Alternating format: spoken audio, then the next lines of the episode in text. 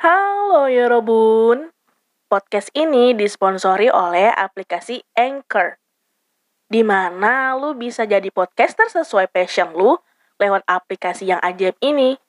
Just download di App Store atau Play Store ya. Sekarang, selamat mendengarkan Bangku Podcast. Karena apa? Karena kita perlu sembuh agar tumbuh. Selamat mendengarkan.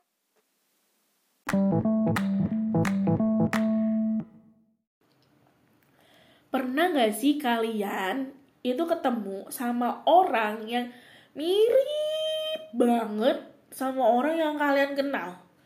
Kalau orang yang kita kenal itu masih hidup, kita bakal tuh ngirimin segala bentuk bukti ke dia untuk memperkuat bahwa beneran ada nih kembaran dia di muka bumi ini gitu kan. Pasti kita akan bilang, ini mirip banget sama lu anjir mirip parah. Kelakuannya mukanya ya ampun masya allah gitu-gitu ya. Tapi kalau misalnya yang kita kenal udah beda dunia sama kita tuh jadi beda cerita juga. Vibe-nya jadi mellow sedih dan makin rindu aja yang kita rasain kan. Gue tuh pernah tuh ngerasain hal itu ketemu sama orang yang mirip banget sama almarhumah nenek gue dan memang juga dia nenek-nenek dari semua dari muka, suara, tingkah laku tuh beneran mirip. Ya mirip sih memang karena udah tua juga. Tapi bukan itu poinnya. Karena ketika lu punya seseorang yang spesial, pasti lu punya kesan sendiri gitu kan. Di mana lu gak akan bisa nemuin kesamaannya pada orang lain. Tapi pas semesta mempertemukan lu dengan tidak sengaja sama orang yang plek ketiplek mirip sama orang yang lu kenal walau enggak plek ketiplek banget tapi setidaknya lu menemukan something special juga di seseorang tersebut pasti lu seneng sedikit gitu kan. Setidaknya ya rindu lu bisa berkurang lah dan ngebatin ini beneran lu the real you gitu kan. Apa lu terlahir kembali sebagai sosok yang lain atau memang Tuhan menciptakan tujuh kembaran kita yang sudah tersebar ke seluruh permukaan bumi itu bener dan lu adalah salah tujuhnya. Gitu. Kalau misalnya di dunia psikologi ada nggak ya istilah yang kayak gitu? Gue juga belum tahu sih belum cari tahu juga ini bener-bener gue kayak kepikiran terus langsung gue tag.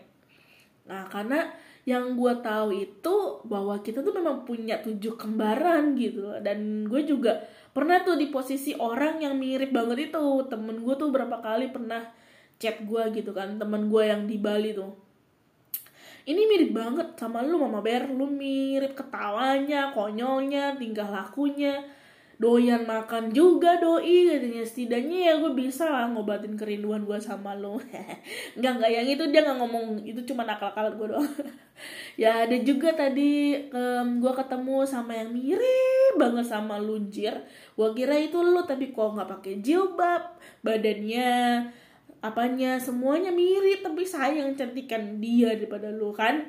Terus aja gue di roasting. Tapi ya nggak apa-apa. Alhamdulillah berarti dua dari kembaran gue sudah dipertemukan dan semuanya lebih baik gitu kan? Ya alhamdulillah. Nah kalau kalian sendiri punya cerita yang sama juga nggak? Apakah ketika kalian bertemu dengan seseorang yang mirip dengan orang yang kalian sayang tapi sudah tidak ada di dunia ini apakah itu akan mengurangi rindu kalian atau malah rindu kalian makin kayak gak bisa terbendung lagi gitu ya? Karena ya gue yakin banget akan satu pernyataan.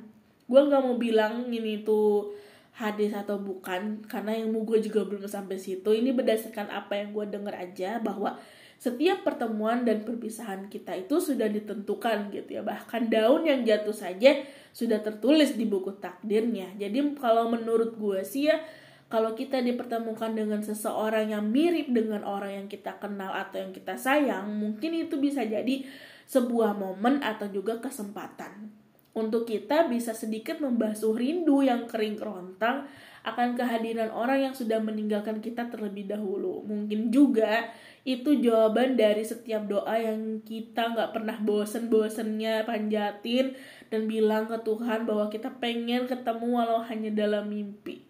Padahal nih ada fakta baru kalau kita semakin rajin mendoakan orang yang telah meninggalkan kita duluan dan kita nggak akan pernah ketemu dia sama nggak akan pernah ketemu dia di mimpi ini nah itu tuh bagus. Jadi gue nih ini kalau ini gue yakin banget dapat pernyataan ini dari guru agama waktu di SMA dulu.